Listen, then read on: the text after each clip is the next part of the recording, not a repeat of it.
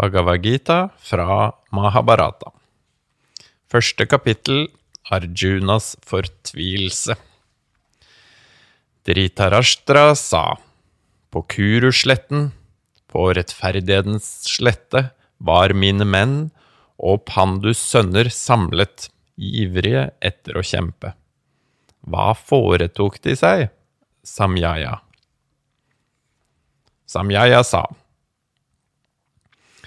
da Durojodana, kongen, hadde sett pandusønnenes hær oppstilt, gikk han til sin lærer og sa, Min lærer, se denne pandusønnenes drabelige hær stilt opp på Drupadas sønn, din kloke elev.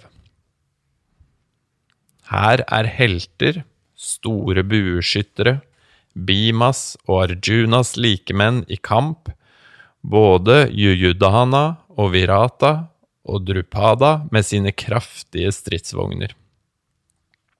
Drishtra Taketu, Sekitana og den heltemodige konge Akashi, Purujit, Kuntiboha og skibyenes konge, en mann lik en okse.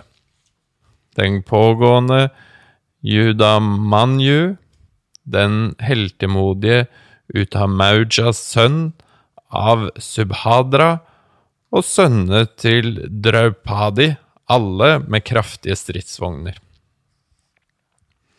Men legg også merke til de beste av våre, du ypperste blant to ganger fødte, min hærs ledere. Jeg nevner dem så du skal kjenne dem. Du selv, Bishima og Karna og Kripa, seierrik i kamp, Ashvatana, Vikarana og Somadattas sønn, og mange andre helter som gjerne ofrer livet for meg. Med forskjellige slags våpen og utrustning er de alle erfarne i kamp. Men vår hærstyrke holder ikke mål, selv med Bishma i spissen, det gjør derimot deres hær ledet av Bima. Så hver av en av dere må oppstilt i sin avdeling beskytte nettopp Bishima i alle hans bevegelser. For å begeistre Duruyodana hevet Bishima, den aldrende Kurunes fader, et løvebrøl mot himmelen da han brennende av styrke blåste i sin konkylie. Så lød konkylier, pauker, cymbaler og trommer på samme tid, og larmen var rungende. Krishna og Arjuna blåste på himmelske konkuler der de sto på sin kraftige stridsvogn, forspent med hvite hester. Krishna blåste i Pankajanas konkylie, Arjuna den gudegitte, og Bima den fryktinngytende blåste i den svære konkylie Paundra. Kong Judistra, sønn av Kunti, blåste i uendelig seier, og Nakula og Sadheva i den velklingende og juvelblomsten. Kashikongen, den ypperste bueskytter, Shikandin med sin kraftige stridsvogn, Drishtra Duyumna, Virata og den ubeseirede Satyaki. Drupada og Draupadis sønner, Subhadras sønn, den armsterke, fra alle retninger, konge, blåste de i sine konkylier. Buldre rev hjertene til Dritarashtras menn i stykker, og larmen runget utover himmel og jord. Arjuna, som hadde en ape i banneret, tok overblikk over Dritarashtras kampklare menn. Våpnene var tørnet sammen, og til Krishna sa han disse ord. Arjuna sa, Stans min vogn mellom hærene, du urokkelige, så jeg kan få overblikk over de kamplystne jeg skal slåss med i stridens strabaser. Jeg vil se dem som er samlet her for å kjempe, som med glede gjør tjeneste i krigen til Dritarashtaras uforstandige sønn. Samjaya sa.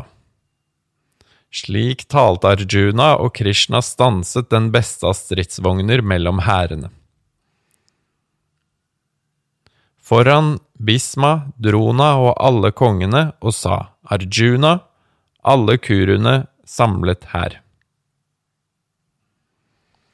Der så Arjuna fedre, bestefedre, lærere, onkler, brødre, sønner, sønnesønner og ledsagere, svigerfedre og venner, og da han så alle slektningene sine klare til kamp, der han sto mellom hærene, ble han tynget av stor sorg, og fortvilet sa han. Når jeg ser mine egne slektninger, Krishna, som er kommet hit for å slåss, synker mine lemmer ned, munnen tørker ut, kroppen min skjelver og hårene reiser seg. Buen Gandiva faller ut av hendene. Huden brenner, jeg vil ikke stille meg opp, og tankene farer vill. Jeg ser bare illevarslende tegn, Krishna. Jeg kan ikke se noe godt i at jeg dreper min egen slekt i kamp. Jeg ønsker ikke seier, Krishna, heller ikke herredømme eller lykke. Hva skal jeg med herredømme, Govinda, med nytelse eller med livet? Det er for deres skyld jeg ønsker herredømme, lykke og nytelser, for dem som her er stilt opp til kamp og forlater både liv og eiendom, lærere, fedre, sønner så vel som besteforeldre, onkler, svigerfedre, sønnesønner, svogere, andre slektninger. Dem ønsker jeg ikke å drepe om jeg ble drept selv, Krishna.